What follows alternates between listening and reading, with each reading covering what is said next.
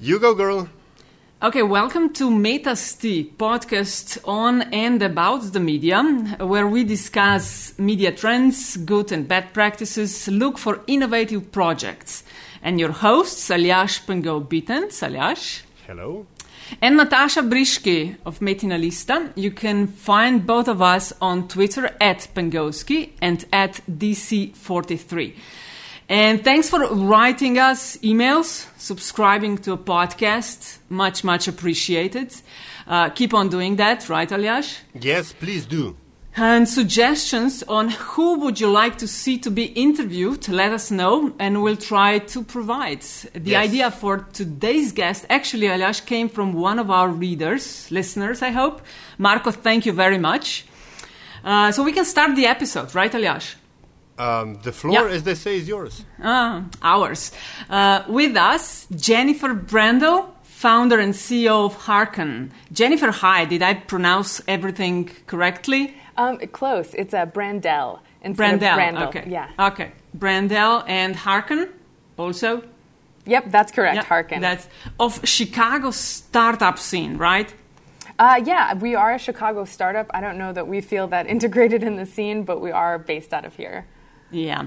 Uh, Jennifer, we start every podcast episode with uh, introducing a guest uh, to our audience. Uh, would you be so kind and walk us through uh, your connection with the media, uh, your bio regarding that?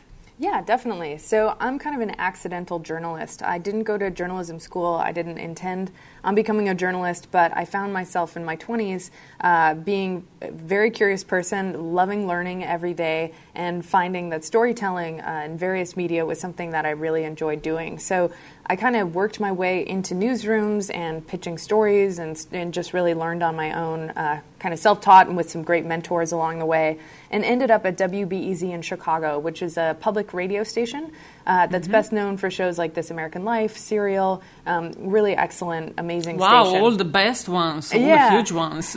Exactly. They, they do really wonderful work and they've launched a lot of uh, fantastic programs and, and ideas. And so I, I was working at WBEZ as a journalist when an opportunity came along in 2012 to uh, really do an experiment. I got funding from this Association of Independents in Radio, otherwise called AIR, in the United States as part of a a program they were running to allow some experiments to happen in public media stations. So I got a year to test some ideas that I had been thinking about, and I did it under the auspices of a project I, I started called Curious City.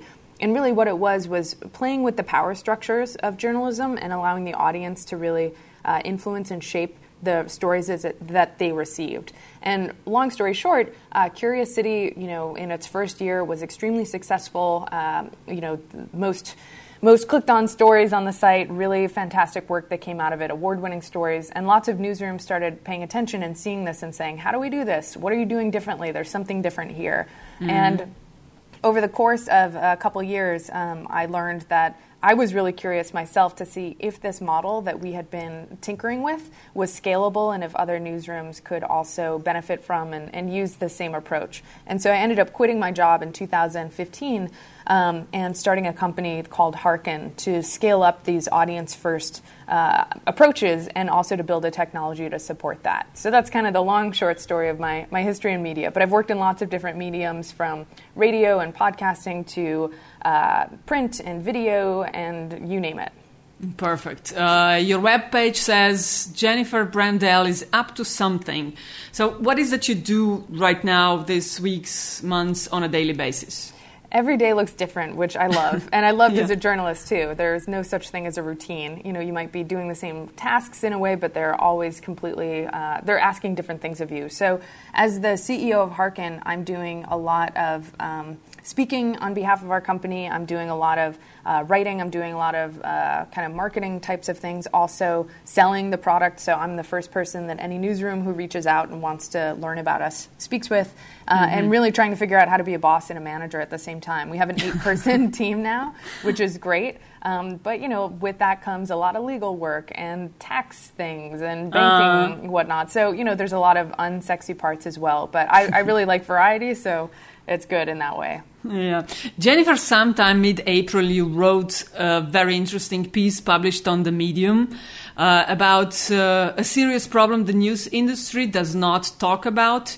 Uh, so let's talk about that. It is about it is about engaging audience, new tools and forms. But for those who uh, maybe uh, didn't yet have a chance to read the article, could you summarize it? What were you writing about, and, and why did you do it? Yeah, definitely. So, um, a colleague of mine who we don't work together, but we work uh, on behalf of the same mission, which is really uh, bringing the audience into consideration in newsrooms and really having them be a meaningful part of the decision making. And we had just been talking about uh, this challenge that both of us were facing when we were going into different newsrooms around the world and telling them about our tools, about our approaches, we would be met with, in a lot of cases, a lot of disdain for the audiences, uh, whether it was from a manager or a reporter or some sort of higher up. Someone along the way would oftentimes say, why would we want to hear from our audiences? They're a bunch of idiots or worse. Hmm. you know, they're jerks, they're terrible people, you know, we don't we don't want to engage with them further. And to us, you know, it was a little bit shocking, but you know, we understood why they thought that way. But it was a really big wake up call for us that our our challenge of trying to bring cultural change to newsrooms was even greater than we imagined because of this kind of not talked about um, opinion and attitude. A lot of uh, people working in the news have toward their audience, whether conscious or not. And I should also say that not everyone feels this way for sure. There are so many journalists, so many people in, in the news who are uh, really doing work in service of their audience and really respect and uh, and r- really respect and want to work with their audiences. But would you say the majority is like the one you're describing? Um, I it's hard to it's hard okay. to put a value on it, but I would say that. Uh, that a lot of people in management and positions of power, we heard that from, which made it hard for people who didn't feel that way to think that was that was okay. Jennifer, I'm sorry to barge in like this, but you said that although you obviously disagree with their viewpoint, you you understand their position that quote unquote the audience are idiots. How how did this position come about? I mean, I could think about the comment, the so-called commentariat in, in the comments in the comment section, but surely there's more to the genesis of this persuasion. I agree. Yeah, I, I, so I can understand it from the point of view of you know asking myself where and when do journalists interact with their audiences? And for the most part, uh, it's not often, and it's not in great spaces for interaction. So, you know, one of the one of the major points of interaction with the newsroom and their audience is the comment section. Uh, you know, there's really not a space or a forum before publication where the where the audience has a chance to react, give ideas, show feedback, all that kind of thing. Really show show the best of who they can be and, and what they have to offer.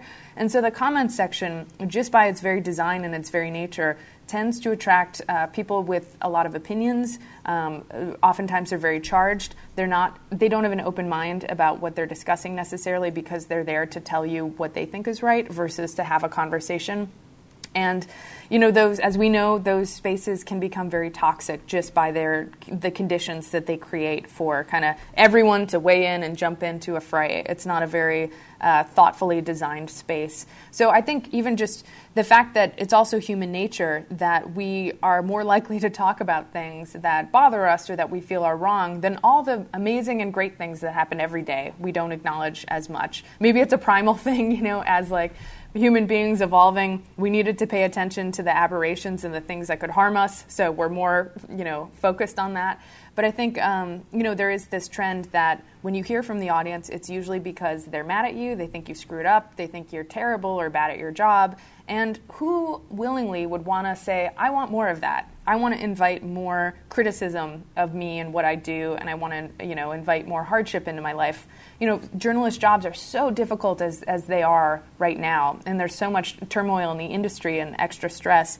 Um, I can imagine, you know, why newsrooms say we don't want we don't want, you know, a closer relationship with them. Um, we want to do our jobs really well, and, and we don't see them as being part of it. But what we're finding with this model you know, and other other experiments that are going on in the industry is that if you create different conditions for interactions, a lot of things can change and a lot of things can improve. And so we're trying to, to prove that and, and bear that out with the work we're doing and the, the things we're seeing. So I'll, I'll, sorry, sorry, Natasha, but No, I'll go just go out on a limb here and say that uh, from what you've told us right now and from what I've read, Hearken is actually a sort of um, newsroom version of community radio, where everybody gets to, oh, well, the active members of the community get to participate and and uh, shape programming.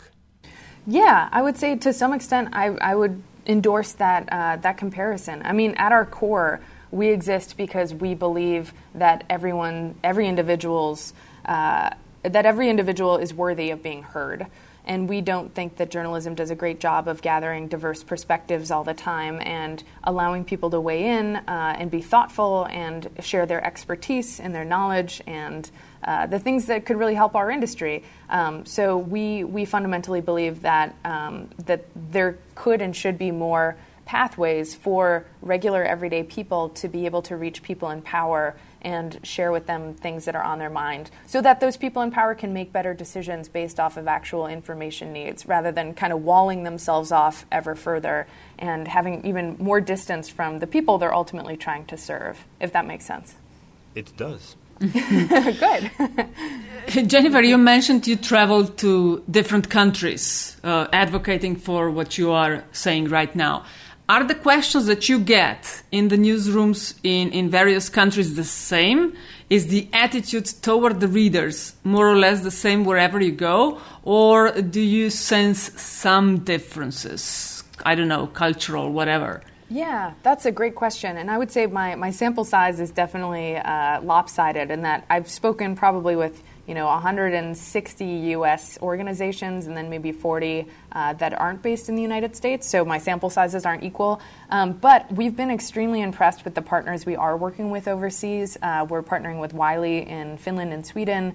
Um, with we're just going to be starting up in Hungary uh, and in Belgium, and then we also we have great partners at the ABC in Australia. And I think. Um, a, lot of our foreign partners have done a really great job in getting our approach up and running and really understanding it um, without us having to tell them every, without us having to really even persuade them. They just get it. And so that's been really fantastic to see uh, them be extremely successful in a very short amount of time with minimal need for us to intervene. And you know that's not the case with every every partner that we're working with, but um, it, we have been really impressed and definitely want to be further out in the global market because we see there's uh, there's a real aptitude for this and a real hunger for it there too. When you say you cooperate with them, is it like you provide uh, sort of uh, advice on how, how to do it, or is it, is there a different kind of partnership? I don't know, opening Hearken uh, offices around the world and just no. Yeah, that's. I would love to open Hearken offices around the world. Um, at this point, given our size and our, our youngness and everything, uh, we the way that we look at Hearken is it's a model for journalism where the audience comes in before publication, and we have a supporting tool set that helps uh, make that scalable in your newsroom at different points of the reporting process. But at the end of the day, newsrooms could use our same exact approach with pencil and paper. They could use it, you know, in any way that they like. We've just happened to build a tech component of what we do because we ran into a lot of problems trying to do this over time with generic and free tools. So that's just part of what we do. But we also offer editorial consulting. Uh, we will audit, you know, um, stories that we see our partners do. So we might read a great story they did and say, hey, there was a great opportunity where you could have mentioned the person who asked the question in the story to help your readers understand that they can participate. Um, you know, so we, we, we are very proactive about looking at the work they do and helping them to even further uh, capitalize on engagement opportunities. What's the average age in your team, and what are the profiles of the people that work for Hearken? Um, we are, I would say, you know, pretty young company, but um, I'm myself 35. My co-founder is in his early 40s, and then our team, everyone else is in their, you know, mid 20s to early 30s. So we're a pretty young team. We're eight people. Half of us uh, come from kind of a journalism background, and the other half come from a more technical background. So we've we found it very important to have people on our team who are credible, who know the challenges of a newsroom in order to help solve them and to be, uh, you know, empathetic toward what everyone is facing. And so we're hoping as we grow our team even further to continue having a really um, a deep well of experience in the journalism field uh, with our team. But yeah, so we're kind of like half technology, half journalism. Okay, so um, we get that newsrooms around the globe, or at least in the, I guess, English-speaking world, are are are responding. They and, and other speaking, like we we're in like six languages right now too. ah okay okay Yeah. that that's good. But um, so the newsrooms are responding, but are the audiences or is the audience responding and more important or importantly, can this response be sustained? Namely, and I'm sorry to play the devil's advocate here, but you know the comment section used to be something good. It was like the letters to the editor, but with more breadth. and and it, it just it, it all went just downhill from there. yeah, yeah. Uh, how No. do you uh, how, how, how, how do you uh, pre- preve- uh, I mean either prevent or maybe anticipate and, and, and regulate the the, in, the the inherent tendency of of the mass of the mass of people to be basically to to dump in, dump itself down. to be trolls. yeah. Yeah, m- yeah. Yeah, that's a great question, and I welcome all devil's advocate questions too. so don't be shy. Um, so, a few things on that. Uh, first of all, questions are fundamentally different than comments, and I actually wrote a, another Medium post called "Questions Are the New Comments" as a way of kind of framing this. But if you think about the comments section, it really is asking for people's opinions. It's not asking what don't you understand that we can help you figure out. So it's a very different space and it's calling for different kinds of engagement. So, what we're seeing, and we see every question that comes into all of our partners, um, these questions are high quality. These are great questions that have real journalistic value and integrity and aren't just, you know, why does the mayor suck? Or why does, you know, like the, these are questions that are neutral, that are interesting, that um, actually come from a, an individual's information needs rather than from what's trending everywhere and copying each other's stories and going to the same press conferences. These are original ideas that are coming from individuals. And in terms of how we see the role of journalism in society, uh, you know, I'm, there are a million ways you can define why journalism exists and what it's for, but we really see it as helping to fill information needs and information gaps in individuals and communities so that they can navigate the world and make the best decisions possible. And if you think about journalism in that way, then why not take people's questions as you're as you're considering what you should cover for people rather than making decisions on behalf of everyone and saying this is what you need to know. Um, a much more humble posture and one that really results in a lot more variety in original stories is when you ask them what don't you know? So what questions do you have whether it's about your region a timely news event um, a specific subject matter newsrooms can help define what sorts of questions they're looking to get in so they make sure they have the appropriate resources to help answer them. So we see as long as human beings continue to be curious and have questions, then this model is, uh, you know, hopefully going to last long into the future. Whether or not we last as a company and we can, can you know, figure out a sustainable business model, who knows? But um, we really think the the things that we're built on are pretty timeless and pretty inherent in human nature and that when newsrooms start to treat their audiences as individuals instead of a mass, so when they start to think, I'm answering a question for Kathy because she wants to know this, and there must be more people like Kathy in our audience who has wondered the same thing, then they start looking at their audience differently. So just like reporters treat sources um, with a lot of care and respect and dignity, but they treat their audience as a mass, maybe a little bit less so, if you start seeing your audience is comprised entirely of incredible sources for story ideas, for questions, for um, expertise, the relationship is going to shift, and people are going to feel that on the other end. The audience is going to feel heard and respected and taken into account. And, you know, as we look for what the models of journalism are next, if it's not just advertising and we're going to have to ask people to pay at some point or another, um, really a, a foundation of trust and mutual respect, I think, is going to be necessary for anyone to open their wallets. So you're you're basically reinventing the romantic notion of what a field reporter should be like, but you're bringing the field into the newsroom. Yeah, I like that a lot. I might use that. I Be my guest. Yeah, yeah, I think that's a really great way to put it is bringing the field into the newsroom. How we, we often talk about how do you save a seat at your editorial table for the public? And what our our approach is and what we're trying to do with technology and with culture is to say every newsroom should save at least one seat at their editorial table for their public. And we just provide one method for bringing those voices or those concerns or questions into that room where all the important decisions get made.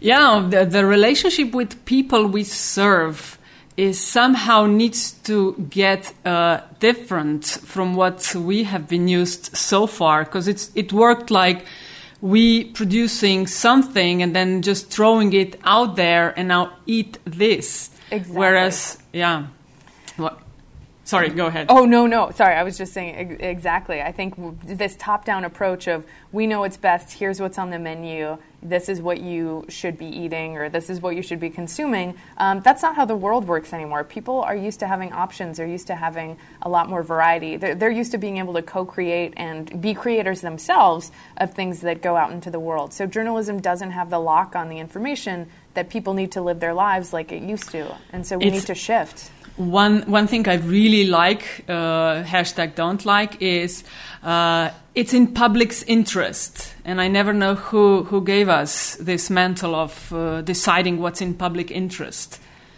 Uh, would Yes. well, that would be.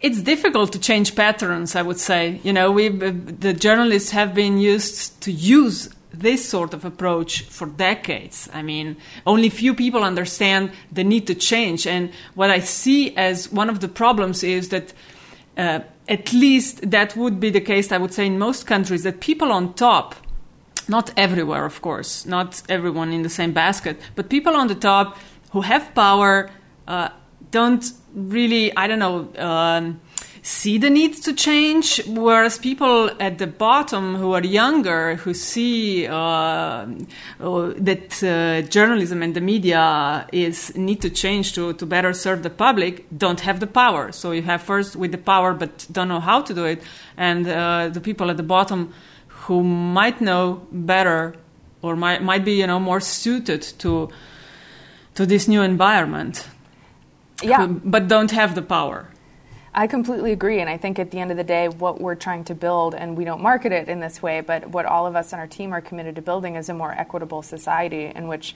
people whose voices aren't as heard or don't have a path to those people in power for making decisions have a safe and well lit pathway to be able to, um, to have an exchange, you know, and to have it not be scary or threatening for either side.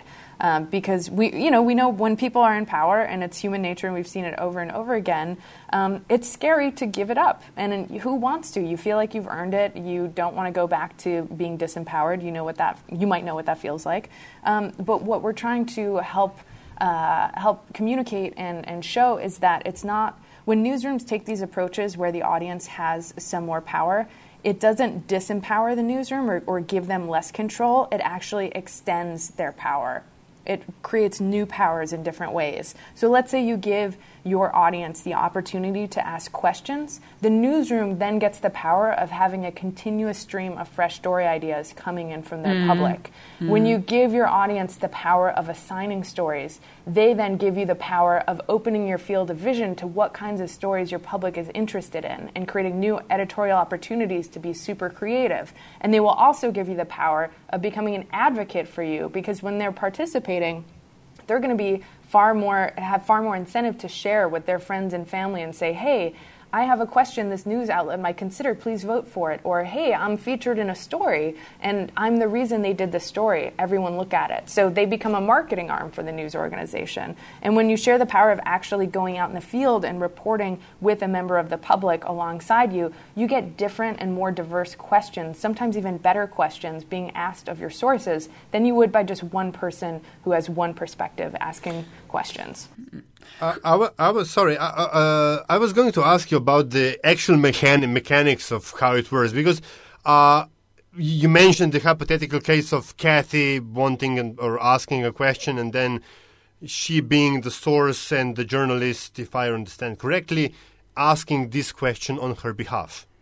So, question one: How do you know Kathy is real? And and and, que- and question two.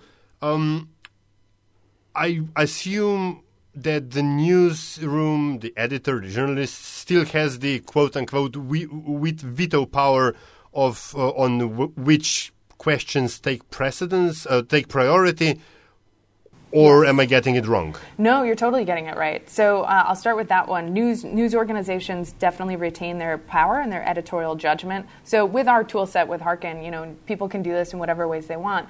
Uh, you know, news organizations are curating the questions that are up mm. for a vote. So it's not just vote for any question that's come in and whatever rises to the top we have to do. Newsrooms get to decide, all right, of all these questions, which, you know, two or three would we be more than happy to answer uh, and let the public make the final call. So editors, newsrooms still retain their editorial power and their editorial, um, you know, uh, judgment on everything. Um, the other thing is that in terms of Kathy of being a real person, our system works in this way in which people have to give their email address in order to ask a question. And so, if a journalist is interested in taking Kathy's question on, what we would encourage they do is they email Kathy and get to know her and say, hey, who are you? Why did you care about this? Um, do you want to be part of the story? All that kind of thing. And, uh, you know, you'll find out if Kathy's real or not, but we haven't mm-hmm. had a mm-hmm. problem yet to date where uh, it's been a spam bot or someone who's working on behalf of a PR agency or whatever it might be. Like these are these are real people. Mm, are you also letting the uh, uh, the public have the final call on like which journalists should investigate a certain story that uh, comes on top? Oh, that's a great idea. Um, we haven't had that. That's been that's been a newsroom decision. Um, you know, of, of, who wants to take that story on or who they okay. want to assign it to. But I think that would be cool. I think if journalists had enough. Um, I guess, star power or whatever in their market with their community, it would be neat to allow the public to um, assign a particular reporter if they felt like they would do a great job with it. Mm-hmm. Now, you wrote in your piece that instead of taking pride in our communities, uh, we have doubled down on clicks and shares as measures of our efficacy. Uh, I wonder, have you read the Jim VandeHei piece, uh, Escaping the Digital Media Crap Trap? The Jim VandeHei of Politico? Oh yes, I have read that. And you actually, have? the, the piece that you're quoting from our piece uh, was written by my my uh, co-writer on that, Andrew Haeg from Ground ah, Source. Uh, okay. Um, so he he did write that section, which I really enjoyed. But yes, um, I I think there's also a great piece by John West on Quartz about similar things of you know. Uh, when we measure when we when we put value on something and we measure that thing, then that becomes our North Star and it leads us to um, a path where not a lot of journalists get up in the morning feeling as proud of what they're doing when that ends up being their mission is to get clicks. Yeah, I know. Clickbait. It's so huge. It's well, you're coming from Chicago. What do you think of uh, the whole media bubble and the Trump candidacy? And you know, oh. it's yeah, I know. It's been all about uh, click whoring. Yep, it's it's really rough, and I think I mean this is actually a Medium piece we're going to post next week. But I've been I've been thinking a lot about this framework that newsrooms are often using, and I hear this a lot when I talk to newsrooms. Is this feeling that do we give the audience what they want or do we give the audience what they need? And first off, I would say it's the question we uh, we often ask ourselves and our guests in this uh, podcast as well. oh, great. Okay, cool. Yeah. So I'll give you my two cents please, on it please. and cut me off at any point because I can ramble here. But, no, no, just go.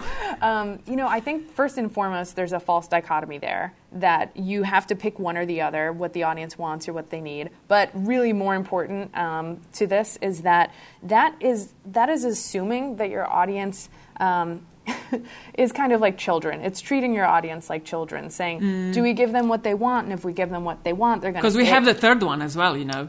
Yeah, the yeah. third one says what the owner says how oh, it should be. that's true. That's true. That's another one that maybe I should incorporate in the piece. no, no, but yeah. sorry, sorry oh, to interrupt. no problem. Yeah. yeah, but the two kind of do we give them what they want or what they need is really assuming again this paternalistic role that we're in charge, our audience doesn't know better. We need to figure out how to parent them and control and coddle them. And if we give them control, they're going to want candy and junk, and you know. and if we if we give them what they need, then we're going to be you know uh, only give them stuff that they're not excited about, and you know whatever load up their plates with things that feel like stuff they're, they're not interested in. So the question that we think is actually more important and a better one to be asking is what doesn't your audience know that they would like you to help them figure out and better understand? And that's really at the heart of what we're trying to do with Hearken is collecting from your audience what are their information needs rather than looking at it of what do we think they need or what do we mm-hmm. think they want based on metrics. So, you know, when you look at what audiences quote unquote like need, you know, a lot of journalists look at that as how do we know? Well, we win awards. Uh, we win prestigious awards, and that's how we know we created something that had value and accountability and whatnot. And if we create what the audience wants, then we're measuring it based on clicks. So I think if you ask that third question, what doesn't our audience know that we could help them better understand? Um, that you can use a whole different locus to measure that. Um, you know, you can look at the change you're making in your community. How many people are you serving? How many questions from your audience members are you answering? How many people outside of your traditional community are you getting in touch with and growing your audience? So I think there's a lot of there's a lot of different metrics that would come with trying to use that as the guiding question. So that should be the goal. And how do you advise newsrooms and, and, and the various media on how to approach it? I mean, we know what the goal is. What you know, like hands-on. Yeah. Advice. I mean, at, at, the end of the day, and I don't want this to sound like, hey, this is just an ad for Hearken, but like this is what we're working on is trying to figure no, out. No, please. You know, yeah, how feel do free. we? Yeah, how do we give people uh, the tools and support they need to figure out what their community's information needs are and how to best, uh, you know, answer them and, and provide that information. And so, like I had mentioned before, we think that starts with collecting their questions. What don't they understand? And you can do it in lots of different ways. You could. Um, you know, create a breaking news story. Something's happening in the world that's very important. You've decided that. That's okay. That's, there's nothing wrong with that. Um, but then at the bottom of the story, you could have a, a space that says, what don't you understand or what further things are you wondering that we can help you answer as it relates to whatever the subject is? So you can do follow-up stories that are actually based on the information gaps people have once they've seen your angle and they want to know more which is great for a newsroom because you can then take that knowledge and that, that reporter who's already got some uh, investment in this and just ask them to poke in a little different way and do another story and create more value for your, your newsroom. So you don't have to just give them the reins to say, What have you always wondered about anything? But you can really direct your audience toward what questions you'd be willing to take on and how you want to help serve them and really do a blend of the top down you know you know newsrooms will always know things that maybe a typical member of the public might not know but i would push back on the idea that um, reporters are the only people who can know about wrongdoing or things that are really interesting or uh, fascinating, and no one else would know that or no one else would ever ask a question about that. So we, we think it's a blend um, of, of all of these approaches, but that really starting to listen to your community, whether with digital tools or going out in the field with a paper and pen or going to events, whatever it may be, like starting to listen and using questions as your as your format of collecting from people, like really ultimately serves the purpose, our, our idea of what the purpose of journalism is. Mm. So the basic assumption is that audience aren't idiots and yes. uh, the, the the the piece on Medium has a nice little flowchart that basically says that yes, the audience, n- not everybody is an idiot at the very least. Yes, uh, but but um, is this still the same audience? Namely, uh, the paradox of a loud minority is something that I think we are all dealing with. Uh, and and and that same loud minority is actually driving the quote unquote silent majority away either from actively participating or consuming our pro- product media products from uh, from pre- consuming them at all. Uh, so is this still the same media and you're just uh, sorry the same audience and you're just empowering different parts of that audience or is this build does this mean building a new audience maybe a better audience yeah, you know, I think that's a great question, and I, we don't have enough data to know if the same people who are who comment are the same people who ask questions. Um, I would say, just based on a kind of gut anecdotal response, that uh, this th- these additional forms of possible engagement mean that you are reaching a broader variety of people who might be within your existing audience. So, you know, if you look at the the the things that are required to participate in different ways. So to to decide to comment on a story certain conditions have to be met. You know, the person has to really care, they have to want to write something, they have to sometimes technically, you know, go through a few hoops in order to sign up and allow themselves to comment. So that can be a fairly deep form of engagement. Um, voting on a question of how of a question you'd like to get answered might be something well we think is so much easier because you don't have to sign in you don't have to do anything you can just read something and five seconds later make a choice it's not as uh, big of an ask asking a question you know is something that does take a little bit more time and forethought and you know you need to take a minute and fill a thing out so we see if you create various levels of audience engagement that require you know various amounts of work and or thought you'll get different people, and even at different times of their day, where they'll be willing to do one thing or willing to do another.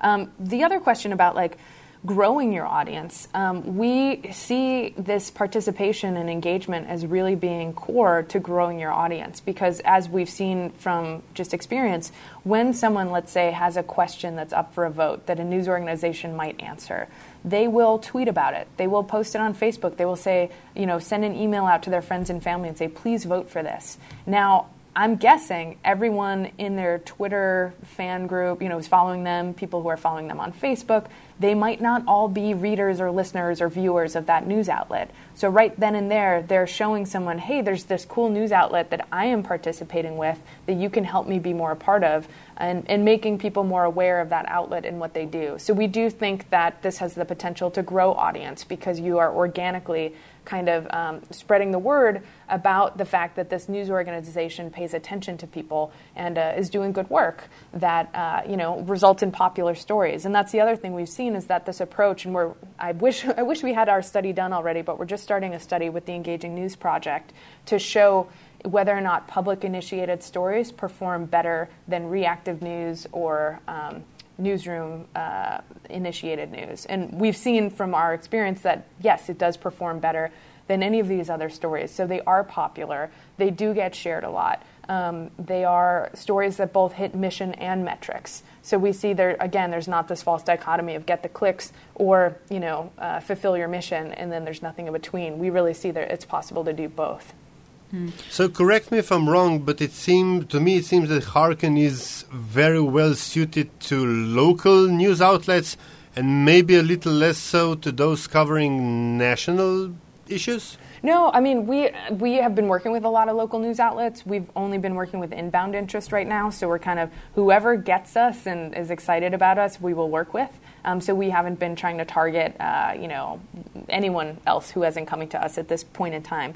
But we really see us working really well if you have a community of interest. So if you are an organization that is uh, serving a geographic location, like a local news outlet, that can work really well. But also, we have partners that only do education reporting or only do reporting on energy issues. So, as long as you have a community of people, if you have an audience, like this can work for you. So, like I was saying before, with this approach where you can put, um, you know, these curiosity module question collector type things on the bottom of a story, um, even if you're just bouncing over to a story you found on a friend's Facebook feed and you're reading it, if after reading it you have a question and there's a spot for you to ask that question, you might want to participate, regardless if it's a national news story, international, if it's a you know an evergreen story, whatever it may be. Um, we don't see there being a limit to the applications for it.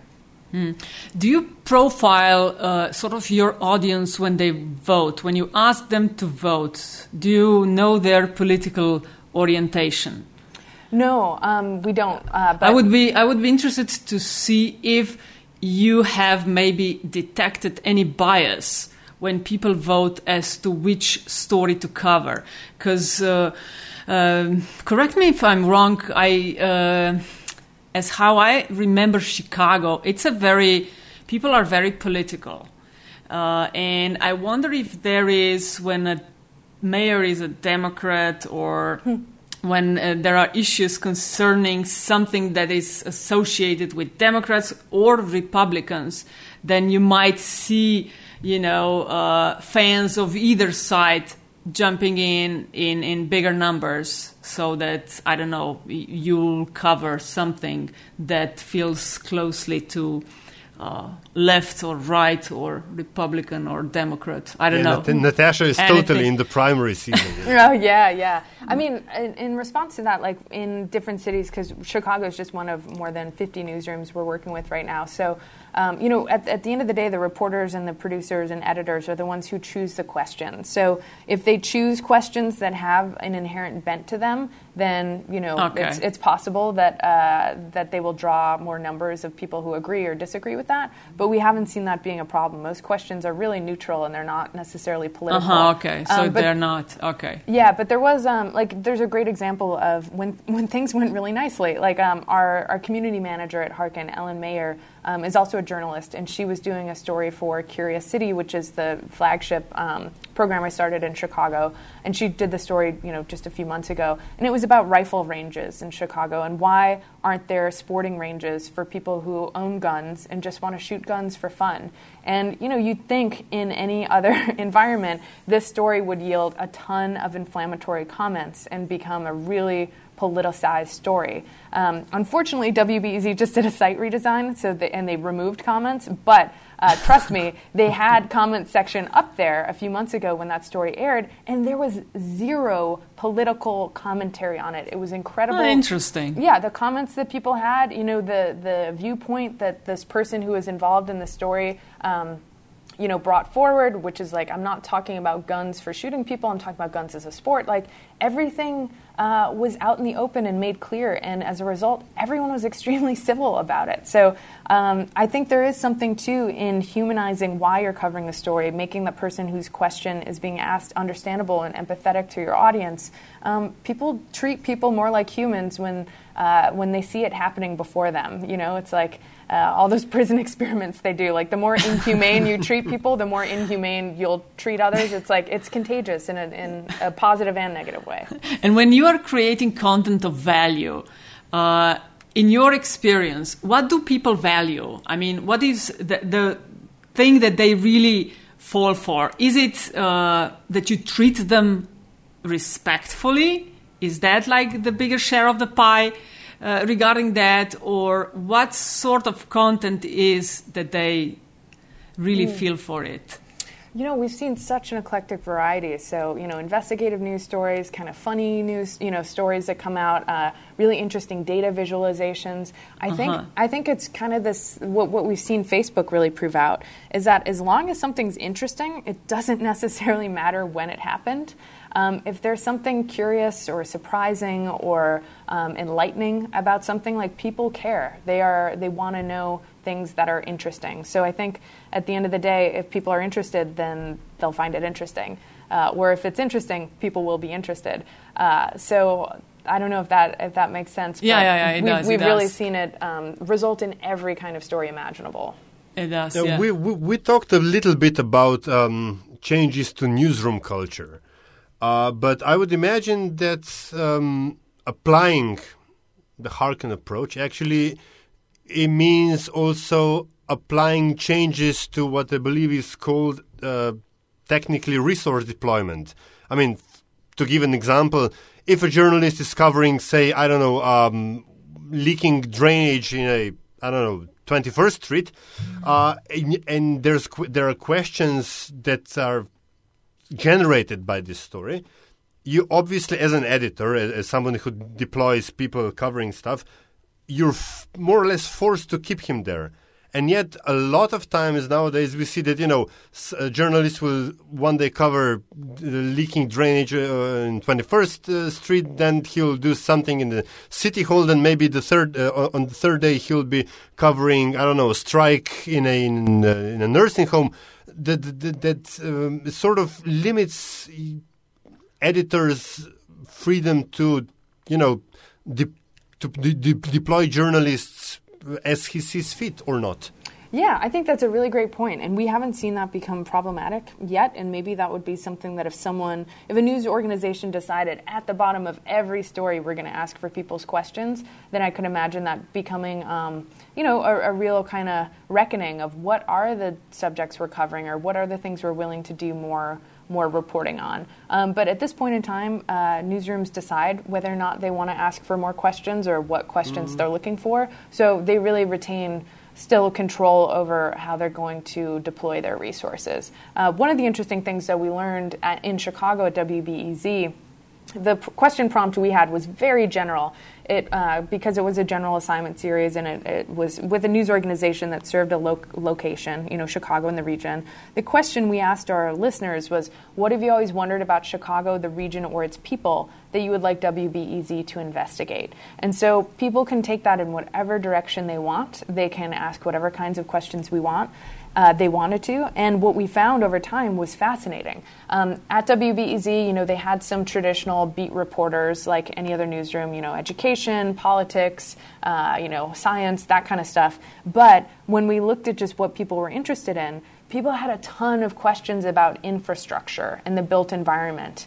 And people had a ton of questions about history and what are events and how did they unfold and shape the city we live in. And so if I would have been, you know, in charge of the newsroom and how we uh, hired reporters and what people were working on, I would have taken a cue from what people had expressed natural interest in and put more resources to that. So I would have hired um, an infrastructure reporter or a reporter who only does stories on the built environment. And I would have hired a history reporter, as crazy as that might sound, um, because people are so fascinated by the context of how things got to be the way they are and aren't just interested in what's happening right the second.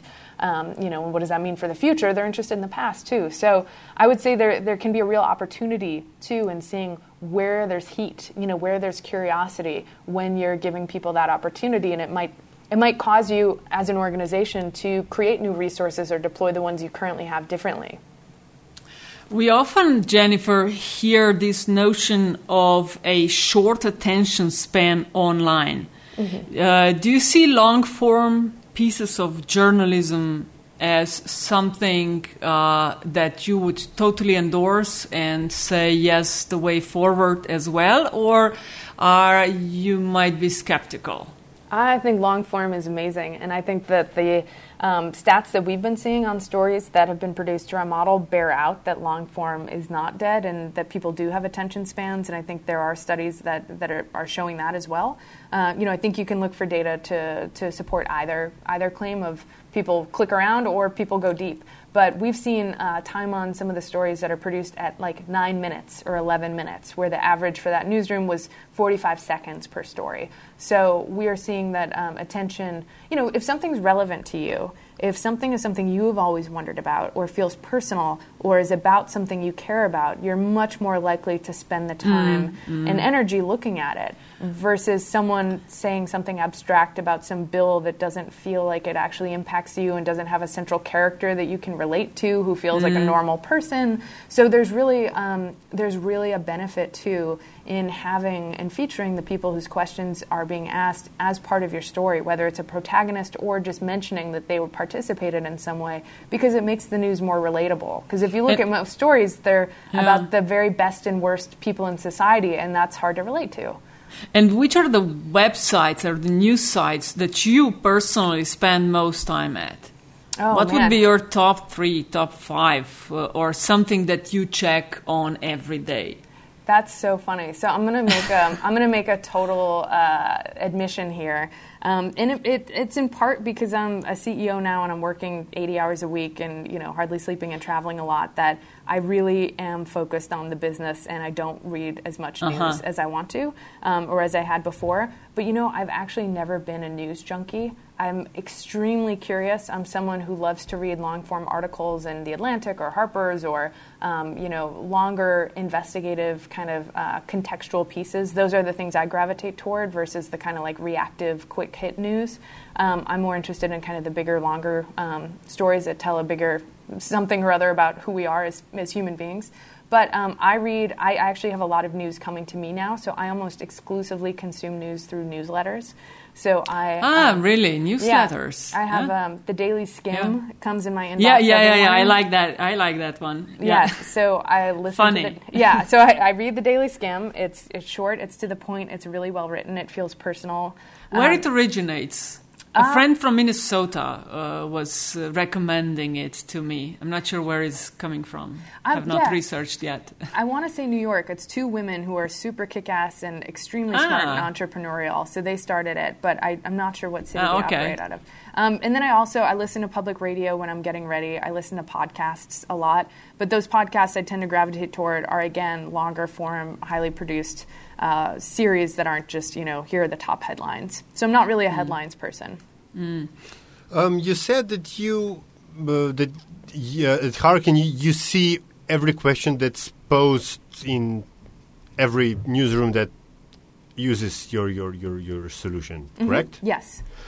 Is there a cultural difference between uh, uh, nature and maybe tone of questions that maybe you've detected in either different regions of the U.S. or different languages, uh, countries? Mm, that's a good question. I don't think I've ever looked at it through that filter um, to, to actually search for that. But uh, what I can say and what we have seen when I check in on it, you know, every day, I'll just skim through some of the questions we've gotten, uh, or our partners have gotten, and that we, you know, have as well, um, is that they tend to be extremely high quality. It's like really it's really heartening. Even our partners in Australia just launched something called Curious Campaign, and it's all about their election. And of course, elections are a very uh, passionate time for people where they might leave their um, their kind of uh, civility at the door. And we're seeing amazing questions come in. Uh, so yeah, they, ha- they have election scheduled from beginning of July, right? Exactly, exactly. So they've they've had their Curious campaign open for just I think a week or two now, and they've received more than a thousand questions. Wow. And hmm. looking at them already, they've been extremely interesting, and it's been cool for them to start looking at trends. You know, what are people asking about that we're not covering? That we could help them figure out what are their concerns. So I think there's a lot of not only individual insight you can get, but from looking at those individual insights collectively, uh, you can start to look for patterns and, and see real opportunities to, to be uh, very valuable to your community. As you're studying uh, business books and articles more closely, as you mentioned, uh, what a question for a billion dollars and even more. Uh, what will save the media industry, which is, you know, newsrooms are hanging on by its fingernails, resisting to change, and the business model of today is. Uh, uh, to reach as many people as possible, uh, which uh, doesn't uh, look good for, for the evolvement of media. So, what will say? What is the good business model for the future? What, where you think it will go? Because you know the, the public. Question. Sorry, because the public is accustomed to getting news uh, for free. Mm-hmm. You know, what would be the good business model?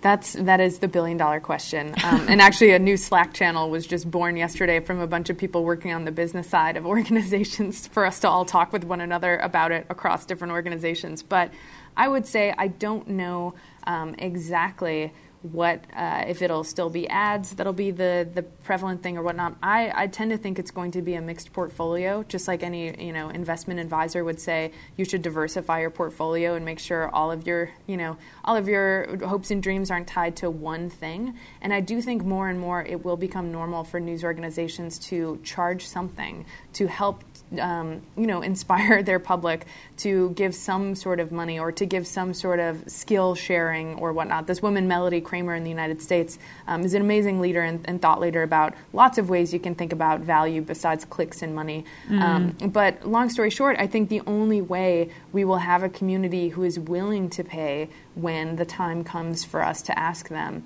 is to really provide something that they couldn't do without, and that is of value to them. And I think the way you figure out whether or not these stories are valuable to them is to ask them what kinds of stories you know would serve you what would help you in your life would um, be relevant and help you make those decisions and we see questions as really being the kind of molecular level of, uh, of that conversation and figuring out what are those questions that we can help as people who are professionals at getting information, you know, really making sure it's fair, getting all sides, synthesizing it in a clean and easy to understand and consume way. Like, there's no one better than journalists right now to help give the information to the world as to what they need.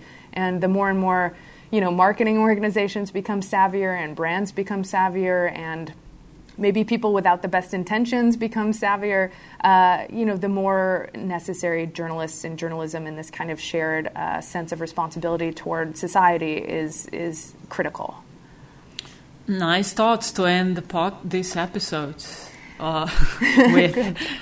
Thanks so much, Jennifer. Aljaž, uh, would you like yeah, to? No, I know. No, I mean, it's great. It's it's the the the uh, I, mean, I hope I'm not being too cynical, but uh, I, I, do have a feeling that uh, the depth of, of the, for starters, Chicago media market. Uh, I mean, what's the uh, inhabitant total? Like three million in Chicago? I think in, in the area, like the Chicagoland region, is around six million. Oh, there you go. I, I, mean, you know, that's like three times over this, uh, the total population of Slovenia. So I'm constantly, I'm starting to wonder whether, uh, or could the Hearken approach be applied in Slovenia? probably would work, but you know, I'm still trying to get my head around it. So, uh, um, uh, but I think it's very cool the thing that you do, and and and I agree with your notion. And yes, the people, that the audience is not stupid.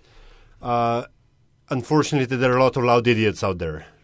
Exactly. And they can sometimes ruin things for the rest of us, but we have the decision to make whether or not we want to create better, more productive spaces for people to participate. And I think there's a lot of innovation that can be done around that. And we're not the only solution, and we're not the only ones thinking about this. So I'm really excited about all the people who are galvanized and excited about proving to one another that the audience is wonderful, actually. And mm-hmm. so we're excited about uh, putting out as much data in the world as we can to, to prove that because we see it happening over and over again, and we want to help counter uh, counter that that feeling that um, all is lost because it's not.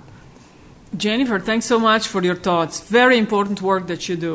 Oh, Very oh, thank important. you so much. I really thanks. appreciate your time and yeah, look yeah. forward to seeing how things evolve. uh, we are not done yet. We have a last question. It's the same for every guest uh, that we have, uh, and it's basically we end with an anecdote or something interesting piece of information, something the guest is willing to share with our audience, and the que- question would be. Tell us something we don't know either it's associated with your professional career or something that you feel very strongly about, um, whatever. You just take it from here. Oh, wow. Okay. Well, I will um, maybe give a fact I heard the other day that blew my mind and that kind of put things in perspective. Because uh, I think a, lot of times in life we, we are kind of constantly in this like, medium shot to tight shot. If I think of like photography visuals, we're not really thinking of like the aerial shot or the big picture. Um, and I love being brought up to that level. So a friend of mine told me the other day, and I, I looked it up online, that uh, there are more life forms living on your skin than there are people on the planet.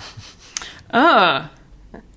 so that's something I didn't know that I thought was all right. Um, okay, really repeat healthy. it again. Repeat it again. there are more life forms living on your skin than there are people living on the planet.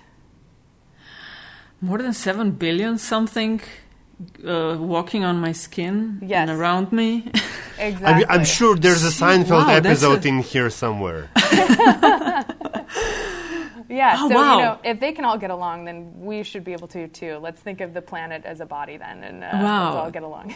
Do you remember what, where you get uh, got this information? So we can oh. add a link uh, on, on, the site with your episode with the episode. Um, I want to say no, was, No, I will Google it. Okay, yeah, no I want to say it was like um, mental floss. I, I ended ah. up looking up online, and I think there was a link on mental floss. okay. This. Yeah. Okay, we'll Google mental floss. Okay. Okay, thanks so much, Jennifer. Uh, could you just tell the audience where you can be reached online, your Twitter and uh, the web? Yeah, definitely. So my, my, personal Twitter is at Jennifer Brandel.